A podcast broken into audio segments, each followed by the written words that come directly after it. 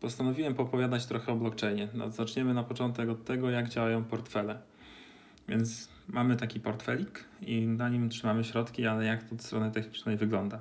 Ano wygląda to tak, że konta na blockchainie to jest zwykle para kluczy prywatny i publiczny.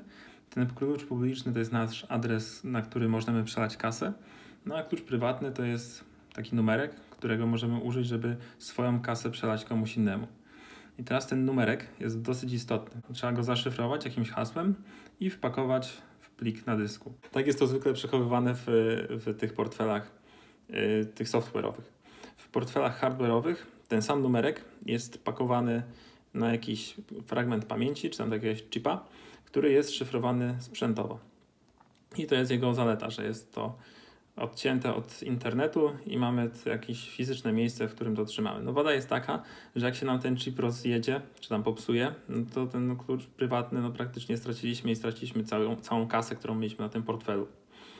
Więc no, możemy sobie myśleć, że taki portfel to jest miejsce do przechowywania tego klucza prywatnego,